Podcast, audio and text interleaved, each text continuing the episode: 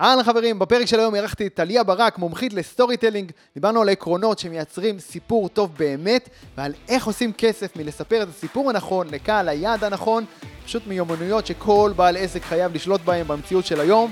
על החיים ועל העסק, יאללה מתחילים. טליה ברק, מה שלומך? איזה כיף להיות פה. כיף. גדול לארח אותך. ספרי לנו ככה במשפט, מה את עושה בחיים? אז ההתמחות שלי היא storytelling. אני עוזרת לאנשים בעצם אה, לייצר מוצרי תוכן מסחריים, כל מה שקשור לעולמות תוכן של הרצאות, סדנאות, מצגות משקיעים. אה, אני עובדת עם בינה מלאכותית במצגות. אה, ואני עוזרת לאנשים בעצם לילד את הסיפור הזה, שחלקם סוחבים שנים, אה, וחלקם זה קרה אתמול. הכל זה סיפור, בגדול. הכל זה סיפור. הכל זה סיפור. אוקיי, אז הבאתי אותך לפה היום כדי שנדבר בעיקר באמת על הדבר הזה שנקרא storytelling, שזה מושג כזה שאנחנו שומעים אותו בכל מקום אה, אפשרי בשנים האחרונות, אבל נראה שרובנו לא סגורים לגמרי על בדיוק מה זה ומה עושים עם זה ואיך מכניסים את זה באמת לחיים שלנו ולעסק שלנו בצורה טובה ונכונה, נכון? חד משמעית. אז תני לי את ההגדרה שלך ל storytelling. אני חושבת ש storytelling קיים משחר הבריאה, אה, זה מונח באנגלית בכוונה. אה, לך תגיד את זה בעברית, זה לא נשמע טוב. לספר סיפור. לספר סיפור, אבל זה נשמע אין- כאילו זה מוריד מה... הכל באנגלית זה פועל, נכון? כאילו story כן, telling זה זה פועל. פתאום, אה, זה הופך את זה למשהו יותר גדול. אמ, אז בעצם משחר הבריאה אנחנו מספרים סיפורים, וכמעט כל מה שאנחנו עושים היום יושב על סיפור שמישהו פעם סיפר. אה, אז חלק מהעניין זה להיות זה שמספר את הסיפור, פשוט. אה, storytelling היום זה מין מושג שמשייכים בעיקר לעולמות של שיווק, של אה, אה, marketing, של אה, מיתוג, נכון. אבל זה הרבה יותר עמוק מזה. אה, תסבירי. בעצם אומנות הסיפור באמת קיימת משחר הבריאה. אני תמיד אומרת, יש מישהו שלא ישב בסדר פסח ולא זוכר סיפור יציאת מצרים, אז מעבר לזה שזה סיפור ממש טוב, הוא מסופר אלפי שנים. וזה storytelling מובהק. נכון. כי הוא בא להעביר מסר. זאת אומרת, storytelling הוא איזשהו מארז של מחשבות, רגשות ופעולות. מחשבות, רגשות ופעולות. כן. אה. זה, זה הצורה שגם אנחנו כבני אדם, המוח האנושי, אה, מבין ומתרגם את המציאות דרך השלוש האלה. אוקיי, אבל אמרת קודם משהו יותר חשוב, שבסוף צריך להיות גם איזשהו מסר. חייב להיות מסר. אוקיי. עכשיו, אה, מסר אנחנו יכולים להעביר במשפט, אנחנו יכולים להעביר בשלוש דקות, אנחנו יכולים להעביר בשעה. רמת הריכוז הממוצעת היא לא כזאת גבוהה. אה, לראיה, אה, מי שרואה ועוקב אחרי סרטוני TED, פעם הממוצע היה 18 דקות. נכון. היום הממוצע הוא שלוש. שלוש דקות? שלוש של דקות. הרצאות TED? כן. אה, לא ידעתי שהם שינו את הפורמט, אוקיי. היחיד, אני חושבת שעבר, ל- כן, אוקיי. היחיד שעבר את ה-18 דקות זה אנטוני רובינס, וסרטון מאוד מאוד מאוד מאוד ישן. מאוד ישן, כן. לא רלוונטי היום. אה, בשלוש דקות אתה יכול להעביר עולם ומלואו, נכון. אם אתה יודע לעשות את זה. היום יש בסרטוני טיק טוק מעבירים עולם ומלואו בחצי דקה גם. אה, כן, עכשיו, אה, אני קשה לי עם טיקטוק. קשה לי עם בוא טיקטוק. נדבר על זה. כן, קשה לי עם טיקטוק. איך עושים storytelling ב- איך עושים storytelling בטיק טוק? אתה יודע מה, לא, קודם תסבירי למה קשה לך. אני אגיד לך למה קשה לי. בגלל שקצר כל כך ו... לא, כי זה quick fix. טיק טוק זה quick fix. המסר קצת נעלם, הוא התפייד. בתוך ה... לא, כי זה הכל מאוד מאוד מהיר. מאוד מאוד מהיר. כן. אמ, וזה מציאות שאין בה הרבה עומק מבחינתי. זאת אומרת, אני שרוצה להעביר מסר, רוב הלקוחות שלי לא נמצאים בארנה של טיק טוק. אבל אם את רוצה להכניס מישהו לטיק טוק ושיעשה את זה נכון, איך עושים את זה, איך מספרים סיפור ב-30 שניות? אם אפשר לספר אותו בשלוש דקות, התחלה, במקום התחלה, 18 אמצע? וסוף, קודם כן, כל. אוקיי. התחלה, אמצע וסוף. אמ, ושיהיה לך מאוד מאוד ברור מה ההוק שמושך את מי שמקשיב לך. יפה. ההוק הוא תמיד רגשי. זאת אומרת, אני יכולה לדבר על מלא מלא מלא דברים, אני יכולה לספר לך שהלכתי לשלוח ספר בדואר, כן. ולגרום לך לבכות. כזה. זה מעניין. תכף אני רוצה לשמוע מה קרה בדרך לדואר. כזה. אבל האם אנחנו רוצים להתחיל מהמסר? זאת אומרת, לא, מה- לא להתחיל בכך אנחנו שזה לא יהיה מתחילים ההוק. אבל- מהמסר. לא, לא, רגע, רגע. כשאני יוצר את התוכן, בסדר? ובין, לא משנה אם זה תוכן עכשיו של 30 שניות או של 30 דקות. או של, או של יותר מזה, בסדר? אנחנו עכשיו בלונג קונטנט, אנחנו בפודקאסט עכשיו, אז יש לנו זמן. אבל האם אני רוצה להתחיל ברעיון, כשאני מתחיל לכתוב את המסר שלי, או, או לדמיין אותו, או ליצור אותו, האם אני רוצה להתחיל מהמסר, ממה שחשוב לי להעביר? לא, זה כמו עננה שמרחפת. אוקיי? העננה הזאת תרחף, קודם כל, מעל הסיפור. המסר זה העננה? כן. אוקיי. כי זה כמו סרט, סרט טוב, אוקיי. אוקיי? בסרט טוב אתה יכול לראות, יורים על השנייה הראשונה בגיבור של הסיפור. אתה אומר, רגע, לאן ממשיכים מכאן? כן. ואז יש איזה פייד אאוט זה כזה. הוק טוב. כן, זה הוק מעולה. ואז יש איזה פייד אאוט, ובעצם הסרט חוזר ל... כדי שתבינו איך זה קרה, תרשו לי לקחת אתכם אחורה בזמן. פלשבק, כן. פלשבק, 20 שנה אחורה, שנה אחורה, חמש דקות לפני.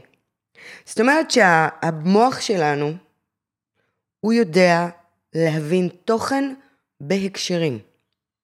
הוא יודע לחבר לולאות שהן אה, יושבות על איזשהו רצף של זמן. כן. זאת אומרת, זה קצת, יש פה קצת מדע בדיוני. למה? כי אני יכולה באמצעות סיפור טוב, לקחת את מה שאתה חושב, את מה שאתה מאמין בו, לעולם מקביל. תסבירי. אמ, גילוי נאות.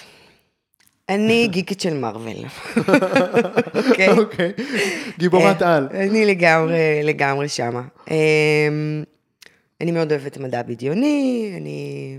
זאת אומרת, בעולם מושלם, אה, זה מה שהייתי עושה. מרוויל יודעים לספר סיפורים. זה מקום טוב ללמוד איך לספר סיפורים. מארוול יודעים לספר סיפור.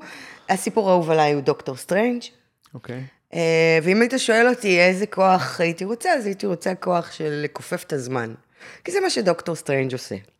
עכשיו, אתה אומר, רגע, יופי, טליה, חמודה, מה, איך זה עוזר לי לעסק? נכון. אני אסביר.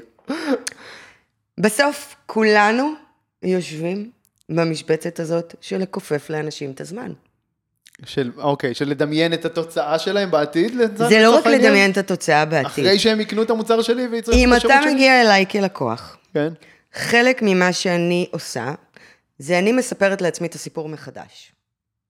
אני מספרת את הסיפור שלך מחדש. reframing כזה, כן? אני יודעת להסתכל קדימה בזמן, ולהגיד, איך הייתי רוצה לראות את זה כשזה מעולה, כשזה, איך אומרים, באזורי הגאונות של מי ברור. שהגיע אליי, שזה, שזה מוצלח מעל כל ספק, שזה מחוץ לקופסה.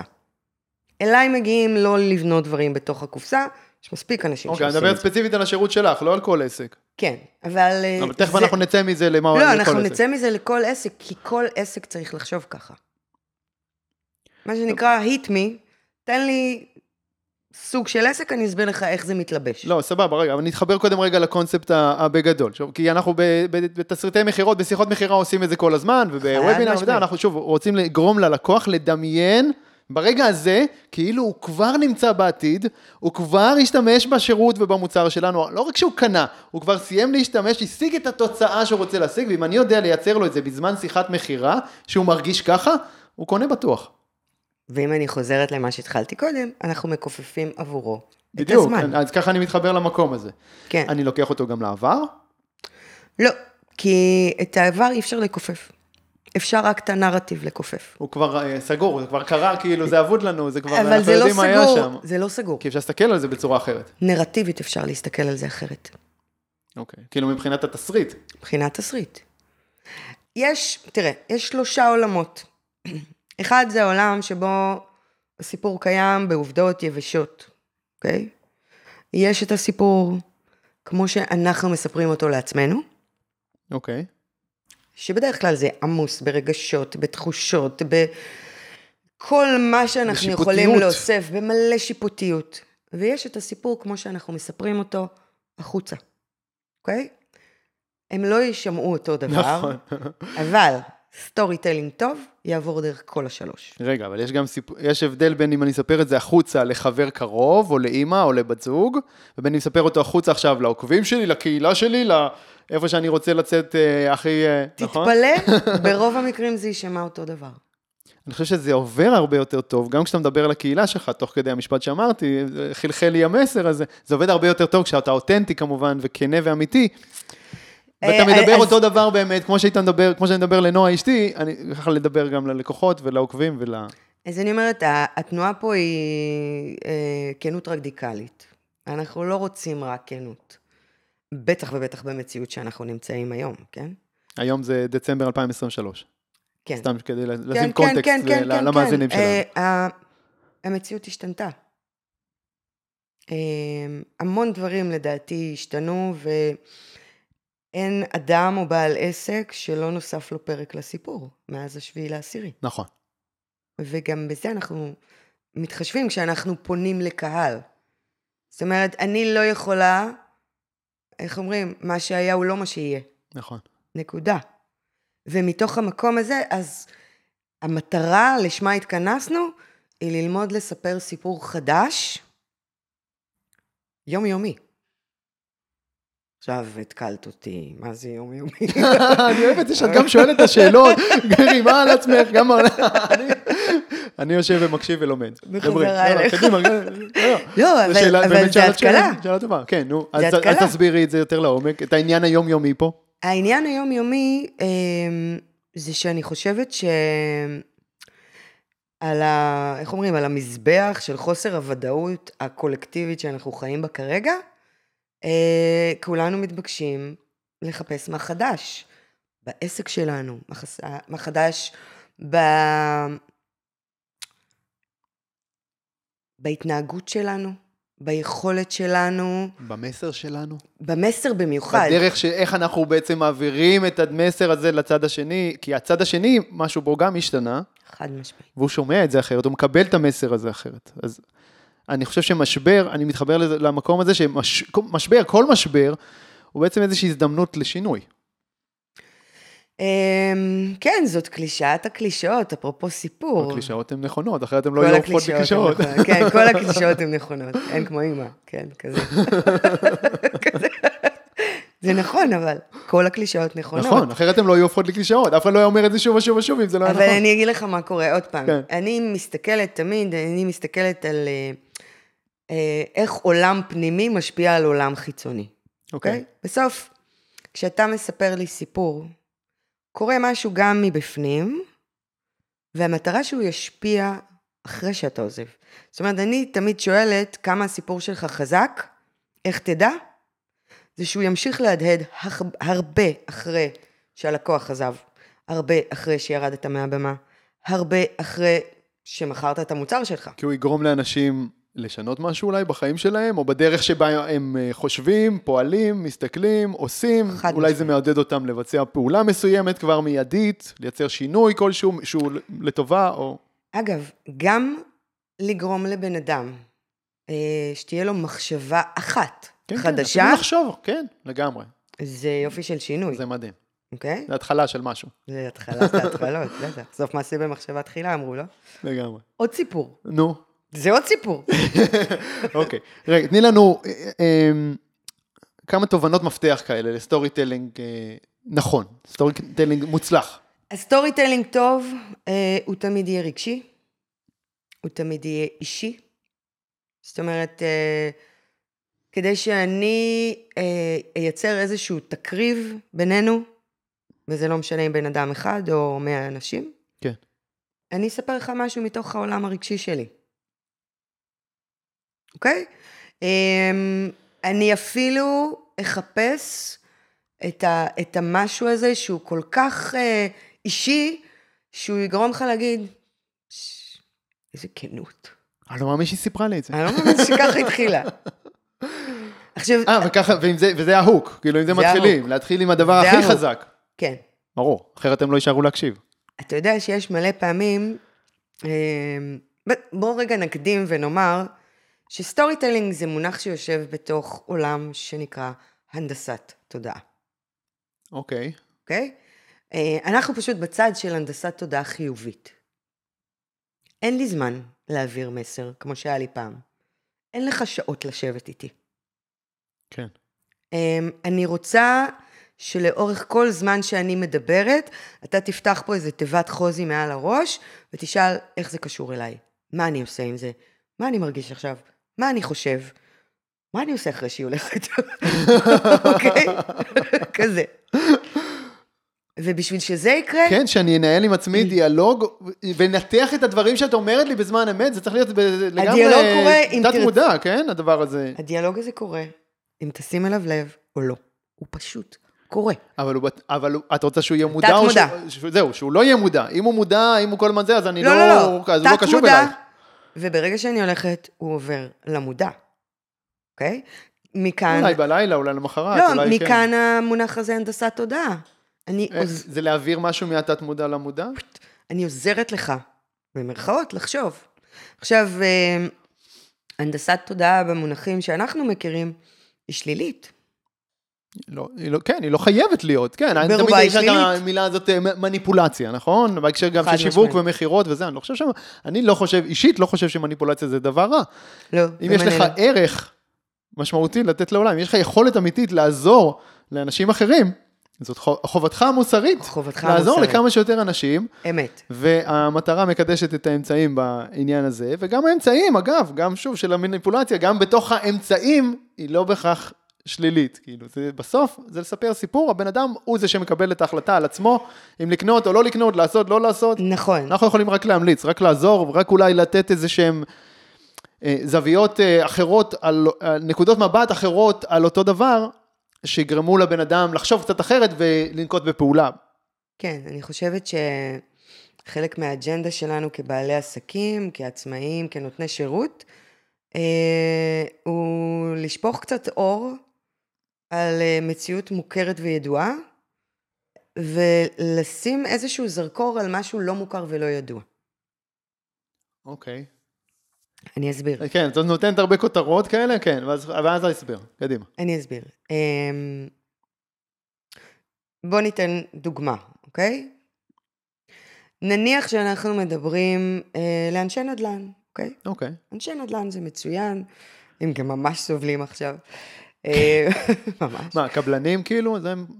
תני לי דוגמה. לא- לא משנה נדל"ן זה יכול להיות בתחום. קבלן, זה יכול להיות מתווך, זה שני אנשים מה שונים הדבר שחווים את הראשון הדבר שאמרת הזה לי בצורה... שעלינו פה? על הבית? כן. החדש? אין לי פועלים. אה, אין, אין לא פועלים, כן. אין לא פועלים. אבל כן, אנחנו, כן, בבית החדש עדיין לא גמור, כי אין פועלים כרגע, כן, אוקיי, זהו. נכון. אמרת הכל. עכשיו, אה, נניח אנשי נדל"ן שמוכרים נדל"ן מניב בבנייה. כן. חלק מהסיפור שהם צריכים לספר, הוא לספר, הרי בסוף כולנו בתחום הזה של אה, חלומות. כשאתה מגיע אליי לקנות אה, נכס, בטח אם זה נכס מניב, אתה לא מגיע לקנות נכס, אתה מגיע לקנות ביטחון. נכון. אוקיי? עכשיו, אני לא אדבר איתך על הנכס, כי הוא עוד לא קיים. אבל איך אני אגרום לך לקנות אותו? שאני ארגיש את הביטחון הזה. אם היה לך, כן. מה שנקרא עולם מושלם, את כל הכסף שבעולם, איזה קומה היית גר? איך אתה אוהב את אני הנוף שלך? ספציפית אה, קומות קרקע, לא, גם כן, אני קרקע, כן. אבל כן. אמ, לאן היית רוצה שהנוף יהיה? יש ארבעה כיוונים. אמ, כמה ילדים יש לך? אני בכלל לא אשאל אותך למה הגעת לקנות נכס. כן, כי הנכס זה לא העניין, אותך- הנכס זה האמצעי, זה לא המטרה. כן, אבל אני אשאל אותך מלא דברים שיובילו, אה, שיובילו אותך, מה שנקרא, בצורה קוגנטיבית, למקום הזה שמ, שבגינו הגעת לקנות נכס. והמקום הזה הוא ביטחון. אז אני אגרום לך לספר סיפור שמדבר על ביטחון. עכשיו, ב, בשונה מכל העולם, אם אנחנו כבר מתעסקים בנדל"ן, אז בישראל הארבע קירות האלה הם ממש חשובים. נכון. זה הדבר הראשון שההורים שלנו אומרים. מה עם ארבע קירות? אמא, ארבע קירות, מה זה משנה איפה הם? בית, מה זה בית? בוא תספר לי מה זה בית עבורך. ואז בעצם המחשבה הולכת מ... באתי לרכוש לבאתי לממש חלום. אוקיי. זאת אומרת, אני... אבל מה- זה מתוך ההבנה שהבית, שוב, הבית שזה המוצר פה, הוא לא, ה... הוא לא התוצאה, הוא רק האמצעי להשיג את התוצאה, והתוצאה זה הביטחון הזה שאת מדברת עליו, התוצאה זה הרגש הזה של... זה תמיד אבל... אה, אני אשאל אותך עוד נכון, זה שאלה. ככה לגבי כל מוצר, אני רק אה, שוב מדגיש את זה למה- רגע למאזינים כן, שלנו. כן, למה למשל אה, נשים יוציאו 2,000 דולר על תיק? כן. אני לא מבין את זה, אבל... כן, אף גבר לא מבין את זה, אגב. אה, מה היא קונה? אנחנו מוציאים 2,000 דולר על, הרבה שטויות אחרות, ברור, וגאדג'טים. סקי, זה, כל מיני כאלה. ציוד סקי, אני רואה מה יש לי בבית, אני אף פעם לא מבינה למה צריך כל כך הרבה מאותו דבר. למה? זה עושה את אותו דבר. אתה נוסע פעמיים בשנה, כן. אז זהו שלא. למה נשים קונות uh, תיקים בכל כך הרבה כסף, או מותגים בכל כך הרבה כסף? מה הן קונות? כי זה אומר עלייך, מה- כשאת מסתובבת עם הלואי. ויטון הזה, מה זה. זה אומר עלייך משהו אחר. איזה סיפור זה? זה סטטוס חברתי, אני חושב שזה משהו שכולנו, נכון? זה אחת הסיבות הכי. הכי משמעותיות לקנות כל דבר, שזה משפר את הסטטוס החברתי שלך, זאת אומרת את איך שאנשים אחרים מסתכלים אותי. עליך, בדיוק. נכון. אז אני מסתובב עם התיק לואי ויטון שלי, ופתאום כולם חושבים שאני עשירה, גם אם אני לא עשירה.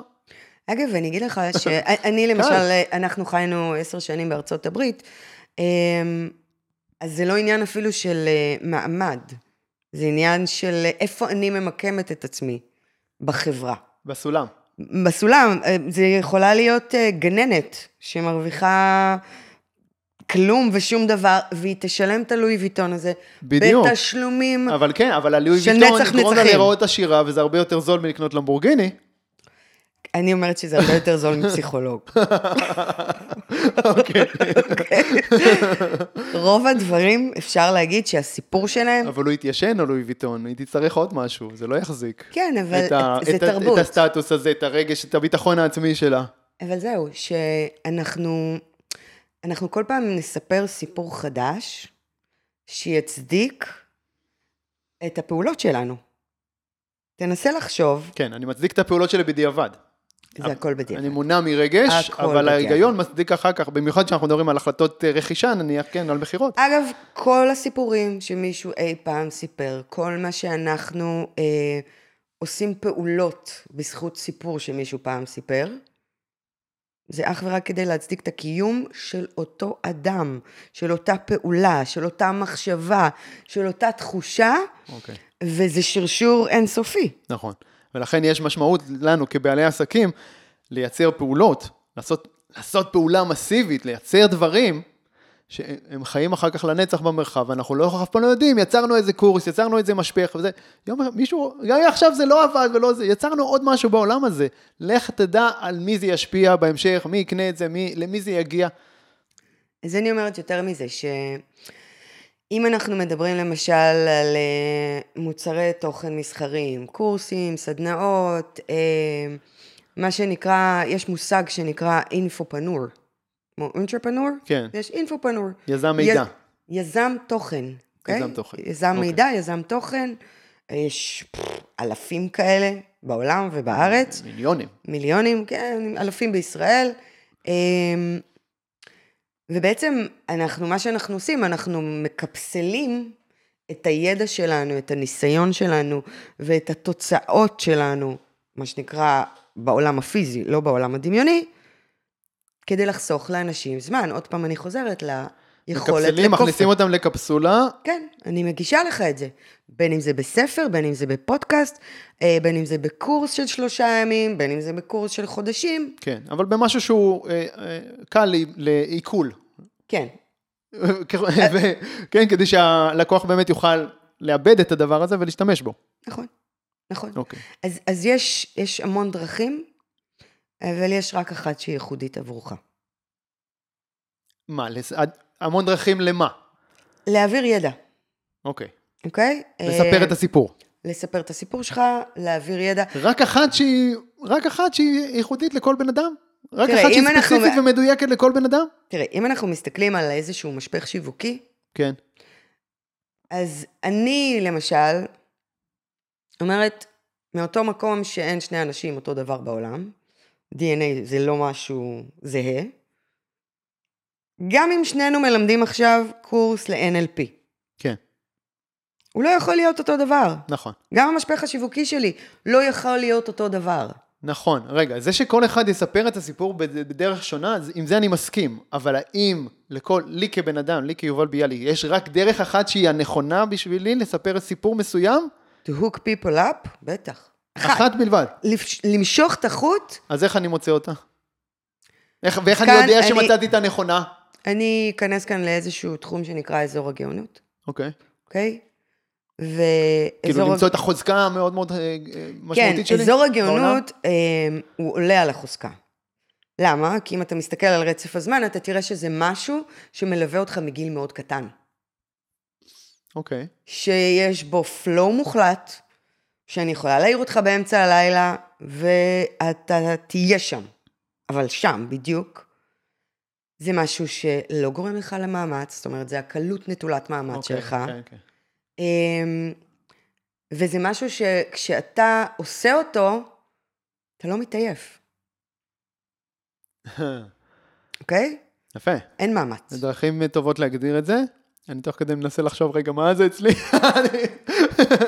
מה מלווה, כי אני, אני מרגיש אצלי בחיים שהדברים האלה השתנו הרבה פעמים, כאילו אני כל הזמן ממשיך להתפתח ולצמוח ולהשתנות, ודברים ש... אבל כן, אני מניח שיש שם איזשהו זרע שממשיך לא, יש לעבור. שם משהו שעליו הכל יושב. זאת אומרת, ואז זכור, התפקיד שלך הוא מה? הוא, להוציא את הדבר הזה מתוכי? למצוא כן, אותו? לחפש את, ה, את, ה, את הסיפור הזה שאף אחד לא שמע. זה, זה, זה שלי. זאת אומרת, אני ממש... לא, אבל הסיפור הזה יושב על, על, על זה, על על להבין מה אזור. הגאונות שלך? כן, גם, לגמרי. ואיך את מוצאת, איך את מוציאה את, את אזור הגאונות הזה? איך את מוצאת את זה?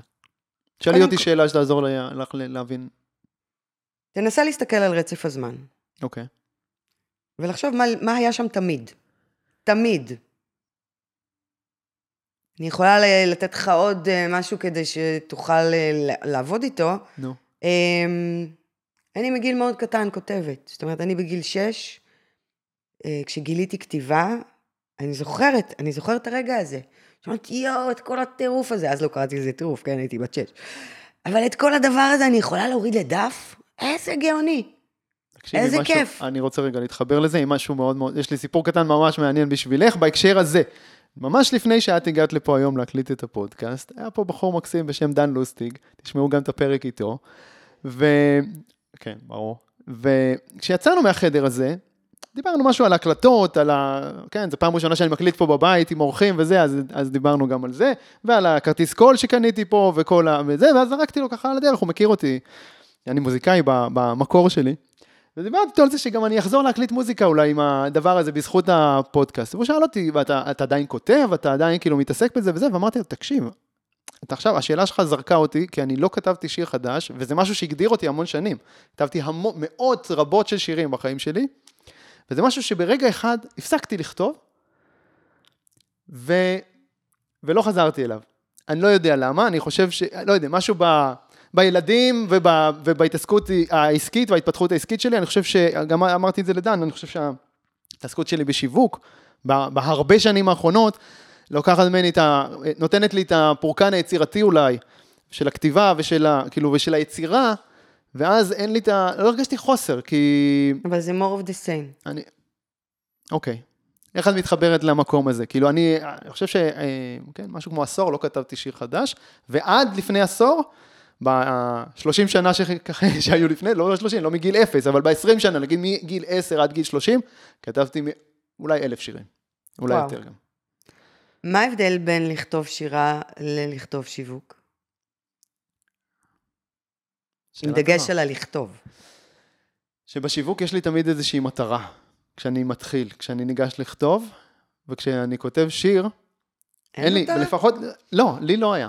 אף, כאילו זה בא, זה, זה היה, זה, זה היה תהליך פורקן. פשוט לקח את הגיטרה ויאללה, מה שיוצא. אוקיי. את הגיטרה או, או אפילו דף ועט. אני גם היום, הנה, אני פה עם מחברת ואני כותב כל הזמן, אני כותב המון, אבל לא שירים. אז אני חושבת שזה שאתה עוסק בשיווק והופך אותך לאיש שיווק טוב, יושב על היכולת שלך לכתוב שירים. כן, חד משמעית. פשוט. המון דברים שלקחתי מהעולם של, של להיות מוזיקאי, שהבאתי אותם לעולמות של הביזנס. כאילו, זה גם, כן, זה גם היצירתיות והכתיבה אתה- וגם... אתה יודע, אה, אומנות היא אומנות. כן, זאת אומרת, אה, אני, אני להפך, אני אומרת שהיום שיווק הוא קצת אניגמה. הוא קצת אניגמטי. חידתי. לא, כן. הוא חידתי. מה קורה עם צוקרברג, אנחנו לא יודעים. אנחנו יכולים לראות שהחשיפה ירדה משמעותית. באינסטגרם, בפייסבוק. אה, חשיפה אורגנית, כן. כי הם כן, רוצים שתשים אין. כסף, בסדר, זה כבר מזמן. לא, לא, לא, לא. אבל קרה משהו כאילו הם רוצים לשמור עלינו. אתה מעודכן, נכון? כאילו...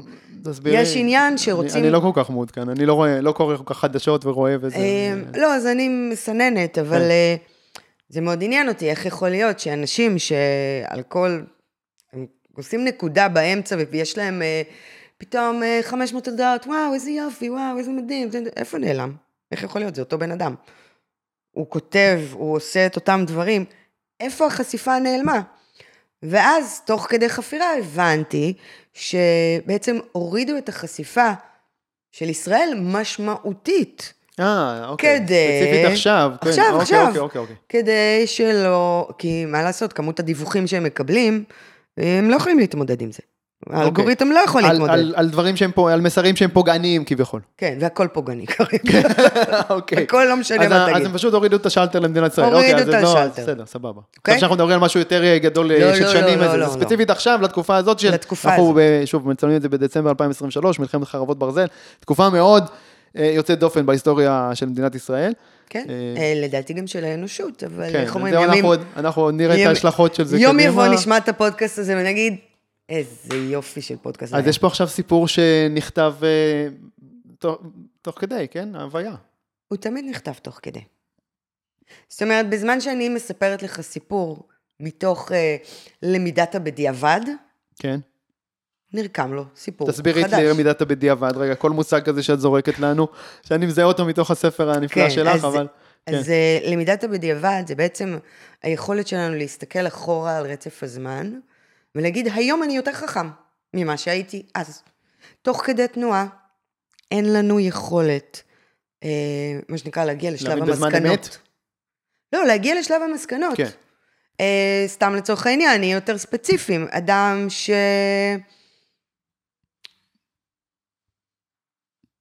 למשל, התקופה הזאת, יש המון עסקים שאין להם שום פעילות עסקית כרגע. הם לא רלוונטיים, אוקיי? כן. עכשיו, חצי שנה מעכשיו, שנה מעכשיו, שלוש שנים מעכשיו, כמו שדיברנו על קבלנים שאין להם פועלים, לצורך העניין, לצורך הדוגמה. נכון, בוא נסתכל אחורה בזמן ונבין מה למדתי מה, מהתהליך הזה. כן. יש המון אנשים שהגיעו בחודשיים האלה לפשיטת רגל. נכון, אבל הדרך, בעסקים, הדרך לייצר שינוי מהיר ומשמעותי היא ללמוד בזמן אמת. זאת אומרת, זה עדיין יהיה בדיעבד, כי זה בסדר, אז, אבל ללמוד על משהו שהיה לפני חמש דקות, או לפני שעה, ולא, או בסדר, או, או היה בבוקר ואני לומד אותו בערב, בסדר? ומנתח את הדברים, אבל, או היה אתמול ואני לומד אותו היום בבוקר, סבבה. כן, אבל, אבל לא, טוב, אני אני- לא רוצה לעבור עכשיו את כל החצי שנה או שנה של המלחמה, ואני מקווה שהיא תיגמר מהר, אבל...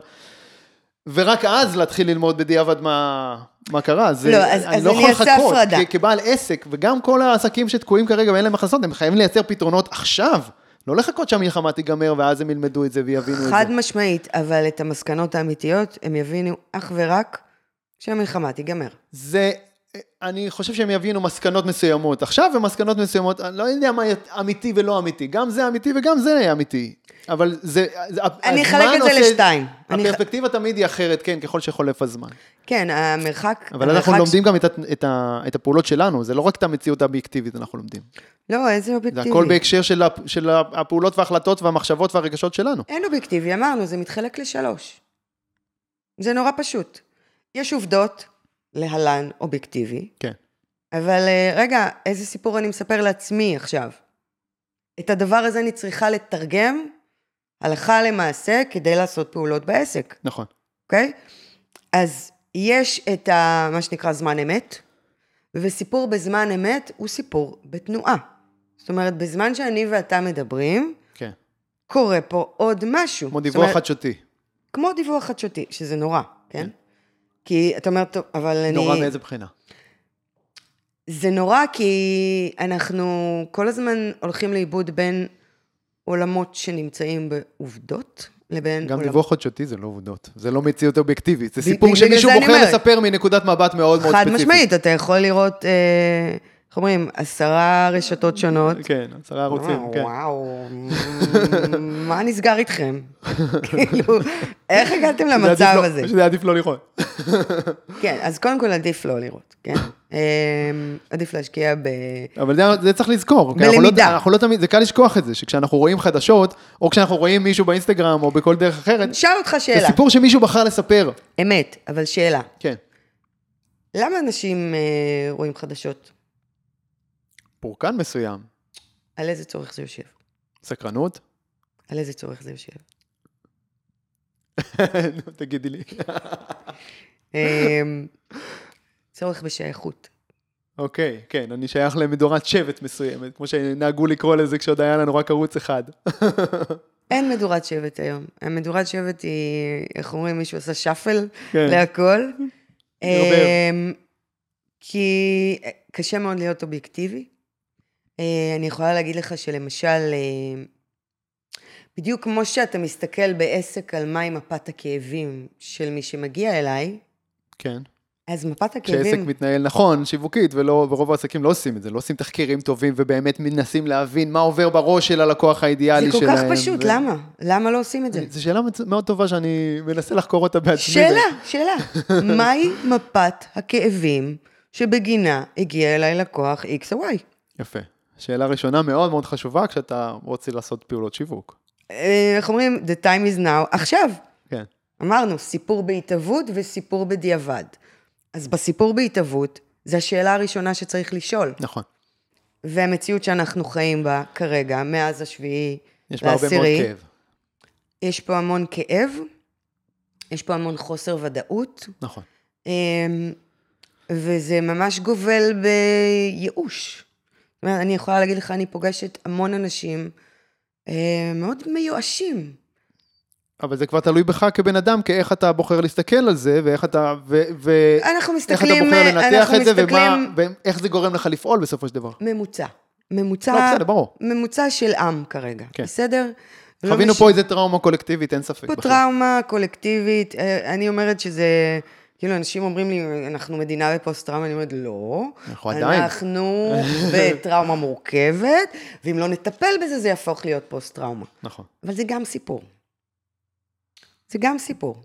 עכשיו אני אתן לך דוגמה, למשל, על uh, עסקים בתחום התרבות. אין הרבה תרבות.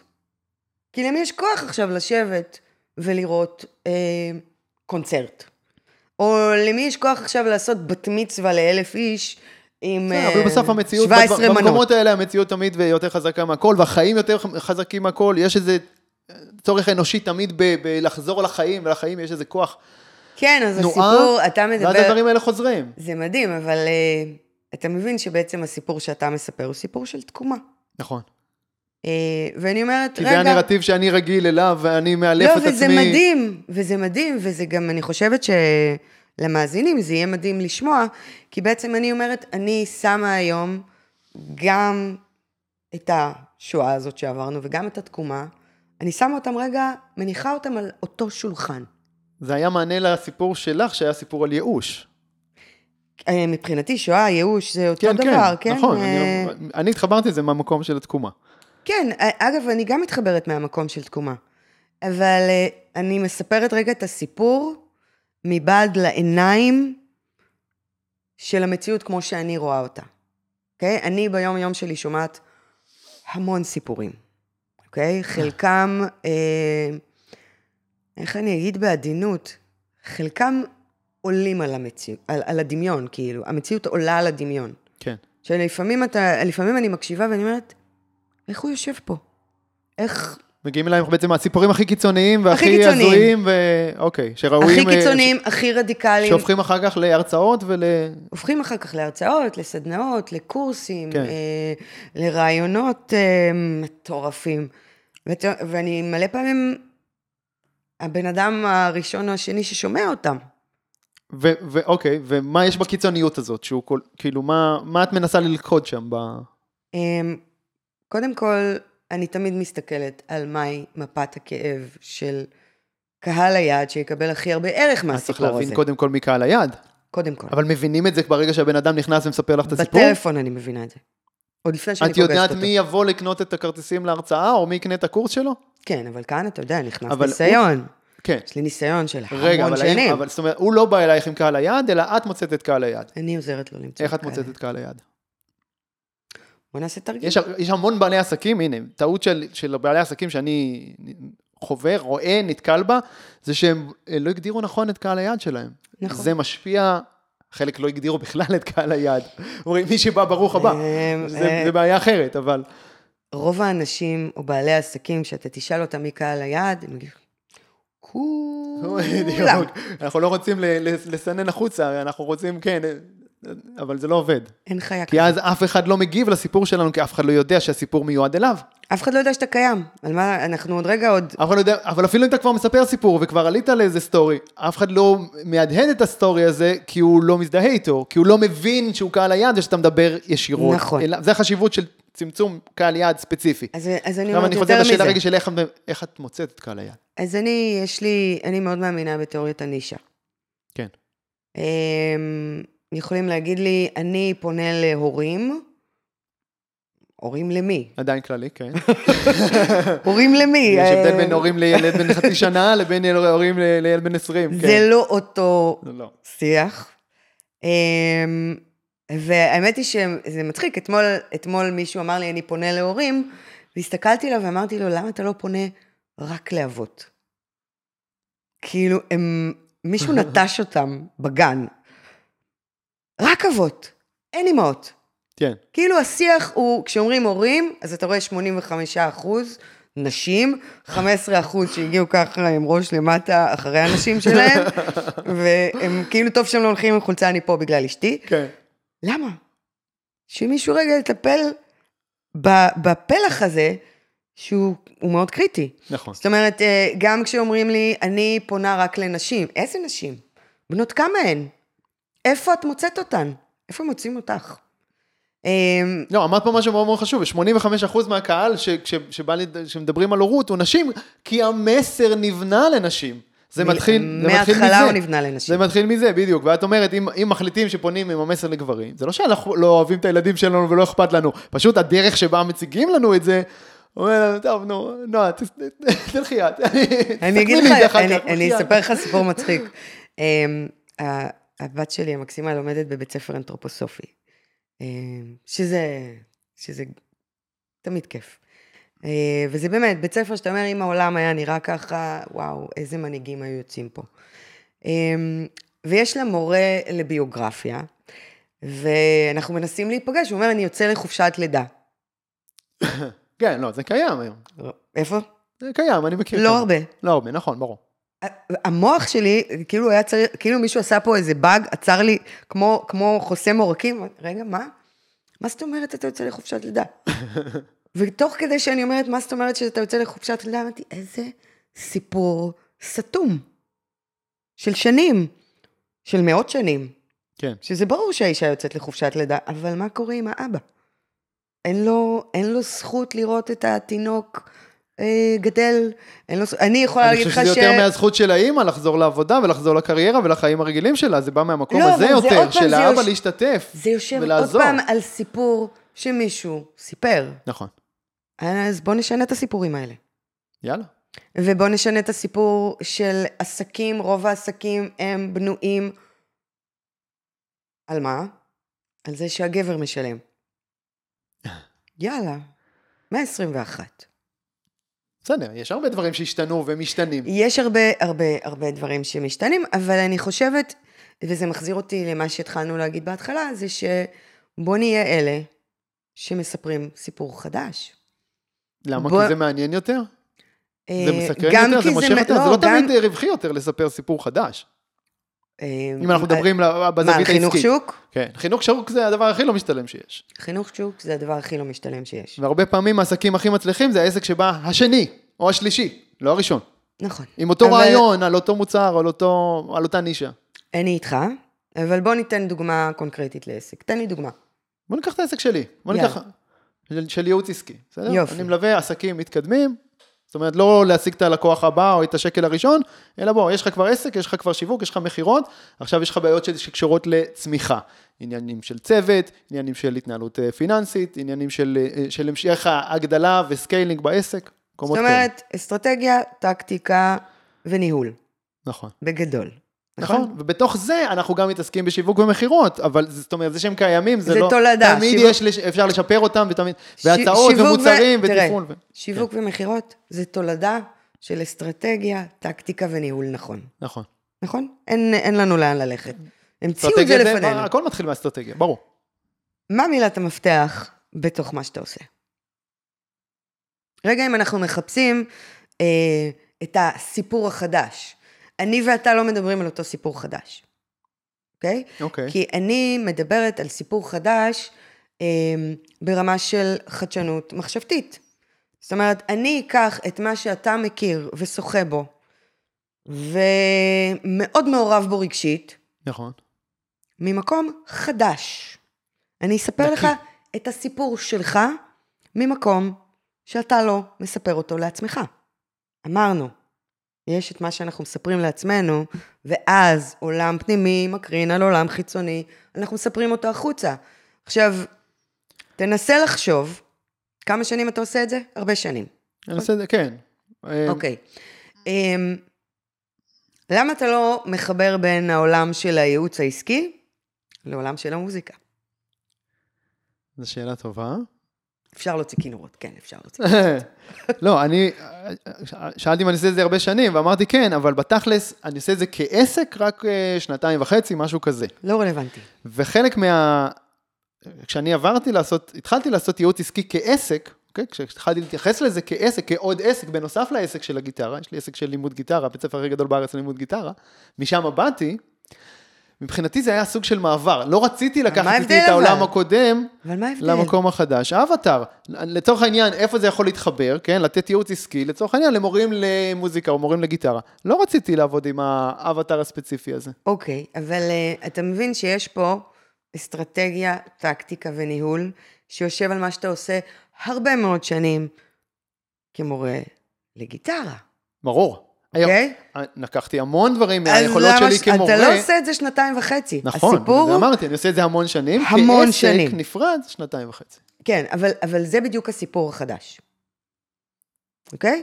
כי בעצם מה שאתה עושה, והצלחת לפצח פה, זה לחבר עולמות תוכן בעצם, זה העניין. זה אוקיי. גם בקופי, אנחנו עושים את זה הרבה בשיווק.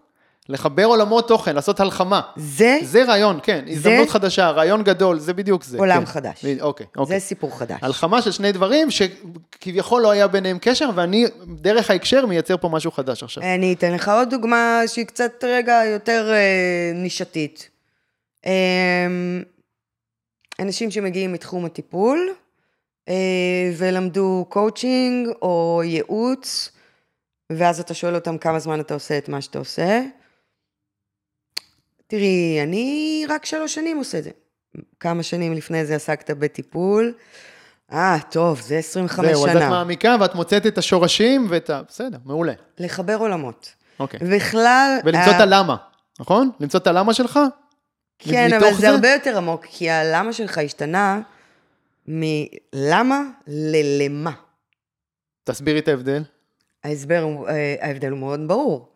אה, אנחנו כולנו שואלים למה, וזה נהיה כמו קצת קלישאה. למה אתה עושה את מה שאתה עושה בקול חלש? מכיר את זה? גם את הפרצוף. ואני אומרת, למה? למה אתה קם בבוקר? זה לא למה אתה קם בבוקר, זה למה אתה קם בבוקר. למה? זאת אומרת, מה, צריכה להיות פה תוצאה? זאת אומרת, לא. צריכה להיות פה תוצאה שיפעל למשהו? כן, למה הוא גם הופך את זה ליותר מוחשי, וגם זה הוא... מוכוון תוצאה, ככה אני רואה את זה, את הלמה הזה, כאילו, לעומת למה. למה? למה זה אני- מה... למה? כי אבא שלי, סתם לצורך העניין, אה, אבא ש... לא משנה, אבל את השאלה למה אפשר לשאול עוד אלף פעם, כאילו, אז כל תשובה אפשר לשאול עוד פעם למה, ועוד פעם למה, ועוד פעם למה, עד שאתה תגיע כאילו לשורש של. הדבר הזה. יובל, אין לנו זמן. כן, זה נכון. אין לנו זמן. אין לי עכשיו שלוש שעות לשאול אותך למה עד שתגיע לתשובה. מכירה, יש מערכון כזה מפורסם של לואי סי קיי, מכירה את זה? עם- הילד שלו, שכל הזמן שואל אותו למה, למה, הוא מגיע איתו לדברים כאילו מאוד אה, הזויים ועמוקים. לא, גם, בגלל שהזמן התקצר, ובגלל ש... עוד פעם, אמרנו, רמת הריכוז שלנו כן, היא כן, מאוד מאוד מדודה. אני צריכה לשאול אותך, למה אתה קם בבוקר? לא למה אתה קם בבוקר. סבבה, הבנתי. עכשיו, לכל, האם לכל עסק כזה צריך להיות גם, כאילו, שוב, במקומות שאני בא מהם, בשיווק ומכירות, לכל עסק יש איזשהו סיפור. סיפור, במיוחד שזה brand אה, אישי כזה, שיושב על הבן אדם. חד אוקיי? משמעית. צריך להיות לו איזה סיפור, אה, סיפור מקור כזה. אוקיי? אה, ראסל ברנסון קורא לזה סיפור התגלות, epiphany story. נכון. כן, הרגע של האהה הזה, שהבנת משהו חדש, שם נוצרה ההזדמנות החדשה שאתה מוכר, או הדבר הזה החדש, נכון? נכון, זה, נכון. אני אומרת יותר מזה, שכל מותג אה, צריך מוצר שיגבה את הקיום שלו. כן, כי סתם לצורך העניין, אה, לך תסתכל על כל הסיבות שבגינם אה, קמו תאגידים מטורפים. פייסבוק. מה הסיפור של פייסבוק? הוא לא רצה להיות לבד. כן, למצוא דייטים. הוא באוניברסיטה. לא רצה להיות לבד. מה שנהיה מזה מפלצת תרתי משמע, אבל הוא לא רצה להיות לבד. זאת אומרת, הסיפור כאן זה שהלמה הזה הוא הרבה יותר חזק מלמה. כן. אנחנו רוצים למצוא, גוגל. אה, תנסה לחשוב כמעט על כל מוצר או, או, או צורך בעולם, יש איזשהו סיפור. ש... כל מוצר יושב על צורך, זה בדיוק, זאת אומרת, בשאיפה, כן? יש גם מוצרים, אבל לפני מוצר צורך, טוב, לא, או- אבל לפני צורך יש, יש סיפור. יש uh, נקודת מפנה בחיים, אוקיי? והנקודות מפנה האלה זה מה שהופך דבר טוב לדבר מצוין. אבל אנחנו צריכים שהסיפור של הלקוח, ברגע הנוכחי, יפגוש את הסיפור שלי. נכון, פה זה כי אומנות. זה שמוכר לו אותה. אומנות, בדיוק. אוקיי? כאן אנחנו נכנסים גם לאומנות הסיפור, אומנות ההקשבה, אה, כל העניין של אה, אה, לייצר תקריב, רפור. כן, כבר כן. מאומנות המכירה, כאילו. זה כן, אומנות המכירה, אבל זה הכל יושב על אומנות הסיפור. אני יכולה להגיד לך ש... אמ, לפני המון המון שנים, אני ובעלי, היה לנו חנויות בארצות הברית. ואנחנו היינו מהראשונים שהצליחו להביא אמ, ויזות עבודה זמניות, ממש לחמישה חודשים לישראלים רעבים ב- מישראל. אה, אה, כי בדרך שיבואו לעבוד באופן חוקי, כאילו. שיבואו זה היה כמו לעבוד עגלות לא- כזה? אבל בחוקי. כן, כן, אבל כן? כאילו, אבל כזה ואני אומרת בקניונים לך, ובזה. לא היה שום דבר כזה. אבל על זה אנחנו מדברים, על עגלות בקניונים? זה יותר היה חנויות, זה, אתה יודע, אוקיי. כל ריהוט שם, זה, זה לא עגלה באמצע הקניון, זה חנויות שכאילו פתחנו איזשהו ערוץ חדש, סיפרנו סיפור חדש. אמרנו, טוב, מה עובד? אבל זה עובד בצורה שאנחנו לא רוצים להיות חלק ממנה, בואו נחפש מה כן. מצאתי פרצה, אה, חיפשתי, לא היה שום דבר כזה בעולם, אז מצאתי פרצה שיושבת על ויזות להייטק.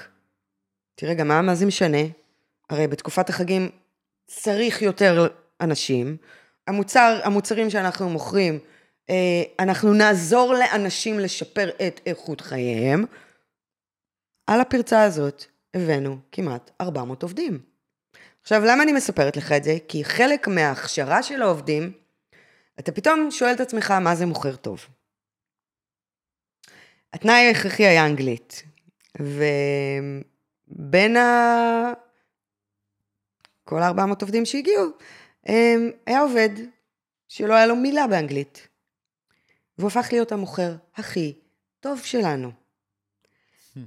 אז אני זוכרת שאני מגיעה, ואני אני שואלת את בעלי, מה עושים? כאילו, כל עובד כזה, אתה עוד לפני שראית אותו עלה לך 3,000 דולר, מה עושים? אומר לי, תני לו. אנחנו נשלח אותו לחנות הכי נידחת שיש לנו, ואנחנו ניתן לו לעבוד, ונראה מה הוא עושה. אני זוכרת שאנחנו מגיעים, ואני רואה משהו כמו 50 נשים מסביבו, הוא לא מדבר אנגלית, כן?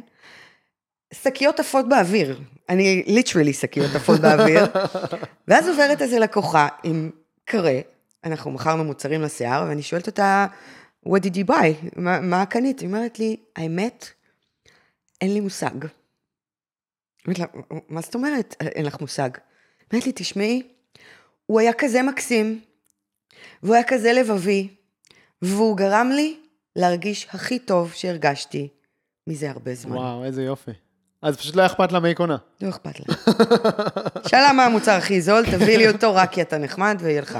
עכשיו זה, עזוב, זה לא... זה לא, עזבי, אני יכול, אני יכול להבין את זה. לי גם, אני כל כך אוהב אנשי מכירות טובים, אני כל כך אה, מתרגש ו- ונהנה לראות כשנותנים, כי זה כל כך נדיר. אז אני כל כך נהנה כשיש איש מכירות טוב בצד השני, שהרבה פעמים אני יכול, באמת יכול לקנות רק מזה שאהבתי את דרך הוא ראה, המכירה אתה יודע, ערך המכירה. סופר פארם. וואלה, באמת. קח שיהיה לך את העמלה שלך, בכיף, כאילו, באמת, לא אכפת לי המוצר. פשוט, סופר פארם, אני לוקחת אותך קדימה בזמן, סופר פארם. אישה יכולה להיכנס, לקנות מגבונים לחים, ולצאת עם איפור ב-500 שקל. כן. למה? כי היא נפלה במרכאות על אה, אישה מאוד מאוד שירותית, שמה היא עשתה? היא איפרה אותה וגרמה לה להרגיש יותר טוב עם היא עצמה. סיפרה לה סיפור חדש על הפנים שלה. סיפרה לה סיפור חדש. שהיא אישה יפה. אישה יפה. ויופי הוא בעיני המתבונן. בעיני עצמה. היא נכנסה מכוערת והיא יצאה יפה. היא סיפרה לה סיפור חדש בתוך החנות. כן, זה הכל סביב סיפור חדש. מדהים. אני רוצה לחזור איתך רגע לסיפור מקור. אוקיי, ששוב, הוא משמעותי מאוד מאוד להרבה עסקים, כן, יש את זה לכל עסק, גם לעסקים ענקיים יש סיפור מותג כזה, אבל גם לעסקים הקטנים, מי שעוד אין לו סיפור כזה, חייב סיפור דוגמה. מקור. אז בואו ניכנס לדוגמה שלי. הסיפור מקור שלי הוא זה. ש- כיועץ עסקי, אוקיי? כמלווה עסקי, זה שהעסק, ה- הבית ספר הכי גדול בארץ ללימוד גיטרה, אוקיי? זה העסק הגדול המצליח הראשון שלי. והעסק הזה היה 100% פרונטלי. הגיע הקורונה, והיה עסק מאוד מאוד מצליח, 12 סניפים בכל הארץ, מנהריה עד באר שבע, 20 עובדים, מחזורים של כמה מיליונים טובים בשנה, הכל עובד נהדר, אני כבר רואה איך בתחילת 2020, העסק הזה בשיאו, אני כבר רואה איך עד סוף 2020 אני שם מנכ"ל במקומי, ומשחרר אותי לפתוח עסקים אחרים והשקעות ודברים אחרים, שחשבתי עליהם כבר אז. 15 למרץ 2020, מגיעה הקורונה, העסק הזה קורס לחלוטין ומתפוגג. לקחתי עוד שנה שלמה בשביל להפוך אותו ל-100% דיגיטלי, מ-100% פרונטלי ל-100% דיגיטלי. בשנה הזאת למדתי המון דברים, התמקצעתי בהמון המון דברים, אבל בעיקר קיבלתי את הזמן שלי בחזרה, כי הצלחתי להגיע לאותה רמת רווחיות, אבל עם הרבה פחות עכשיו צוות, הרבה פחות כאב ראש, הרבה פחות בלאגן, והעסק הזה ממשיך לעבוד, גם עכשיו כשאנחנו מדברים שנתיים וחצי אחרי, כמעט שלוש שנים אחרי, ממשיך לעבוד, ודורש ממני בסך הכל שלוש-ארבע שעות מהזמן האישי שלי בשבוע. אוקיי? וממשיך לייצר לי את הפרנסה ואת הרווח ואת הזה וזה. ובזמן הזה שהתפנה לי, אמרתי, אוקיי, איך אני לוקח ואורז את כל הידע והניסיון והיכולות והערך הגדול שיש לי לתת לעולם, איפה זה שווה לי עכשיו כבן אדם? הכי הרבה כסף, סיפוק, משמעות, וזה העולם של הייעוץ העסקי. כן, אז אני חושבת שזה, קודם כל זה יושב אחד על השני. זה שהצלחת לפצח משהו בעסק אה, עם הגיטרות, הופך אותך לאדם ששווה להתייעץ איתו עסקית. נכון, זה שאני הפכתי, זה הסיפור פה בעצם, זה המוסר השכל, זה שאני ידעתי לעשות גם עסק פיזי שהוא מספר אחת בארץ בתחומו, ואחר כך עסק דיגיטלי שגם הוא מספר אחת בארץ בתחומו, זה אומר שאני כנראה יכול לעזור לך כבעל עסק להפוך למספר אחת בארץ בתחומך, ולא משנה משמעית. כמעט איזה תחום זה. זאת אומרת, been there, done that, בדיוק. זה הנקודה. אבל אה, יש פה עוד משהו ש... תני לי עכשיו כלים לשפר את הסיפור הזה, או... אז כלים לשפר את הסיפור הזה, קודם כל, זה סיפור שאנשים צריכים לשמוע, גם אם הם לא מגיעים מהתחום הזה, ברור. אוקיי? אז אחד, זה לספר את הסיפור.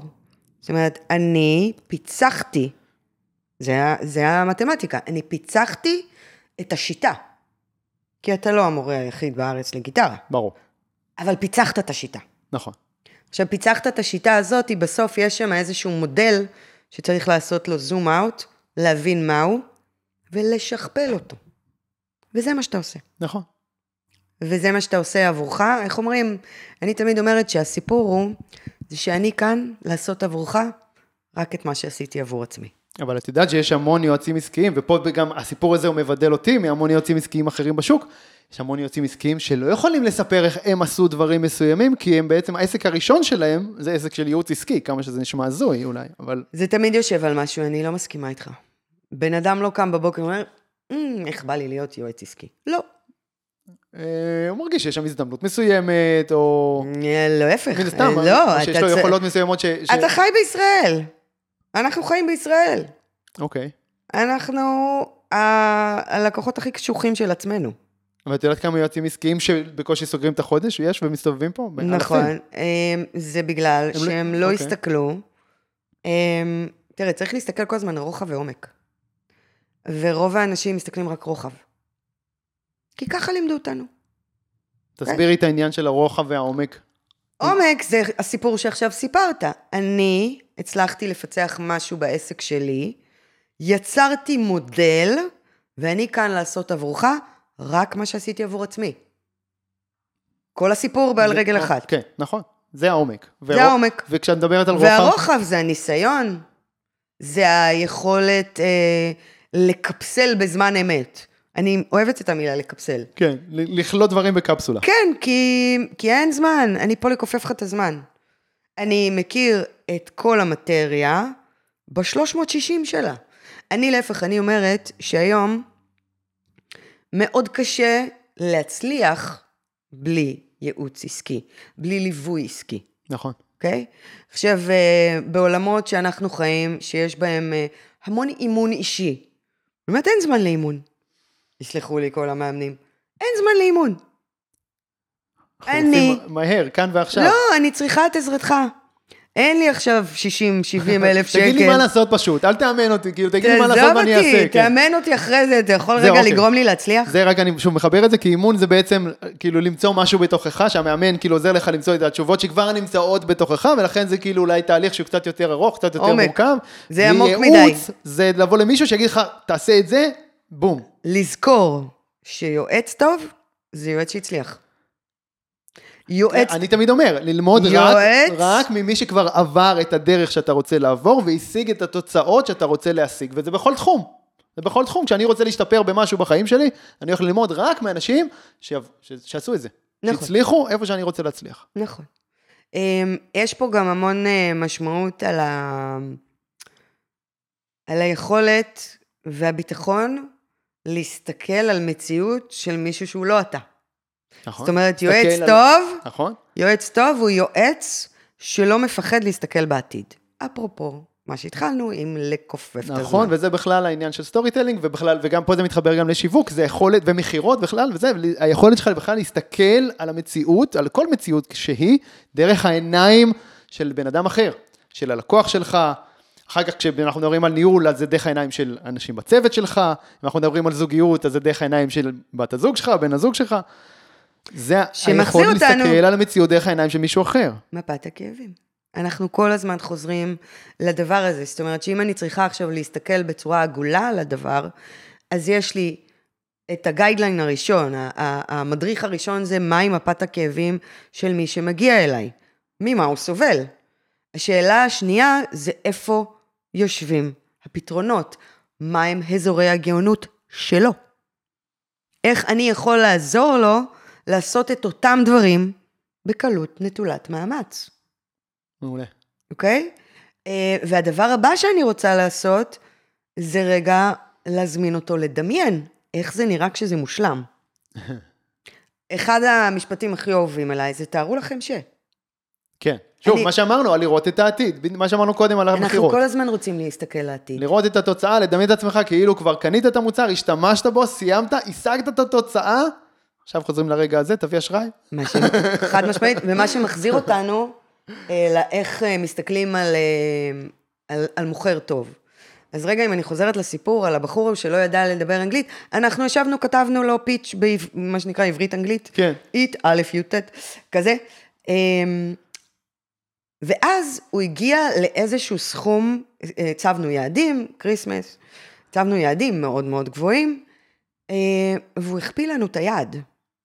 וואו. עכשיו אני נבהלתי. וואו, רגע, מה היה פה? איך יכול להיות שמישהו הכפיל לי את היד? אני מגיעה ממכירות. מה היה שם? איך יכול להיות?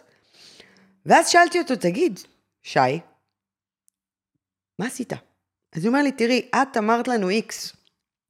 ואני הבנתי שאת ה-X שלך את לקחת מהממוצע שעשית של כל העובדים. אבל אני לא ממוצע. הוא סיפר לעצמו סיפור חדש לפני שהוא עלה למכור. ואז הוא אומר לי, תקשיבי, אני זכרתי את הפעם הקודמת ששברתי את השיא של כולם, ואת שאלת אותי כשהגשתי, כשחזרנו הביתה, תגיד, איך זה הרגיש? הרגע הזה. הרגע של ההצלחה, הרגע הרגע של ההישג. שאתה, שאתה יודע שעברת את כולם. כן. זאת אומרת, היה לי רעידות בגוף. היה לי צמרמורות. אני התקשרתי לאימא שלי ואמרתי לה, אימא, עכשיו אני יכול לקנות לך את המתנה שתמיד רציתי. ואת זה אמרת לי לשכפל. אז לשחזר את התחושה הפיזית בגוף של פיזית ההצלחה. בגוף, תעצום עיניים, מדהים. איך זה איזה מרגיש. טיפ מדהים. איך זה מרגיש? תנסה להיזכר ברגע הכי הכי גבוה שלך, מה היה שם, איך אתה מרגיש, איפה ישבת, יפה. מה לבשת. מדהים. תמצא את הדבר הזה ותספר מה אותו עוד לבשת? פעם. אלה שיש להם תחתוני המזל, או חולצת המזל, או כל מיני כאלה, אנחנו חוזרים ל... פחות תחתוני. מזל, אבל... אפשר לכבס אותם, כן. אפשר לכבד. אבל, אתה מבין, המקום הזה, כי, אנחנו יכולים ממש לשכפל תחושה. זאת אומרת, אם. ברגע הזה אני מספר לעצמי את אותו סיפור, זאת נקודת ההתחלה שלי. יפה. ואז אני לובש את הזהות של המנצח. חד משמעית. של האלוף, יפה. חברים, אז לכולנו יש אה, מלא סיפורי הצלחה בחיים שלנו. תתחברו לאיזה נקודת הצלחה מדהימה, תזכרו איך הרגשתם, ומפה אפשר לשכפל את זה בענק. אני חושב שאפשר לסיים עם התובנה הזאת, כי היא מאוד מאוד אה, חזקה. חזקה. כן. אה, אני רק אשאל אותך שתי שאלות שאני תמיד שואל, ואני מסקרן אותי התשובות שלך. שאלה ראשונה, ב... קחי את עצמך עוד עשר שנים קדימה, אוקיי? מה יגרום לך להסתכל אחורה על העשר שנים האלה ולהגיד, וואו, לא מאמינה שעשיתי את זה. אה, שאני אצליח אה, לפצח איך לעשות את מה שאני עושה אה, בצורה סינסטזית. סינסטזי, נו באמת, עלייה, תני לא, לנו את זה באמת. בעברית. בעברית שיתוף חושים, שאני אמצא איך לפצח את הדבר הזה שנקרא שיתוף חושים באמצעות סיפור. ששיתוף חושים אה, זה היכולת להפעיל כמה חושים בו זמנית, אבל את כל הדבר הזה אפשר לעשות אה, על ידי חיבור של טכנולוגיה, סיפור ומדע. אוקיי, אז את בדרך לעולמות אה, של סטארט-אפים כאלה? אה, זה כבר קורה? השמועות אומרות... אסור- אסור לדבר על זה? לא, לא, אני נושמת את זה כי, אוקיי. עוד פעם, כי משהו השתנה בשביעי לעשירי, והסדרי כן. העדיפויות שלי. הבנתי. פתאום אוקיי. הבנתי, רגע, מה את רודפת אחרי... אוקיי, לא, זה חתיכת חלום לעשור הקרוב, יפה, מדהים. עכשיו בואי נעשה את, את אותה שאלה הפוך, אני מחזיר אותך אחורה לאיזשהו רגע מכונן, בוא נגיד, שאת חוזרת, תחילת העסק של ה storytelling, אוקיי? תחילת האקדמיה ל storytelling, או נכון, ככה קוראים לזה? אה, העצה הכי טובה שאת נותנת לטליה של, אותה, של אותו רגע, של תחילת אה, צמיחה עסקית מסוימת? אל תפחדי להישמע אחרת. יפה. חברים, אז אה, שוב, מסר מטליה, אל תפחדו להישמע אחרת. ממש. טליה ברק, תודה רבה. תודה רבה, יובל. זה עונג גדול לארח אותך כאן כיף היום. גדול שלי, ממש. חברים יקרים, יאללה, ביי.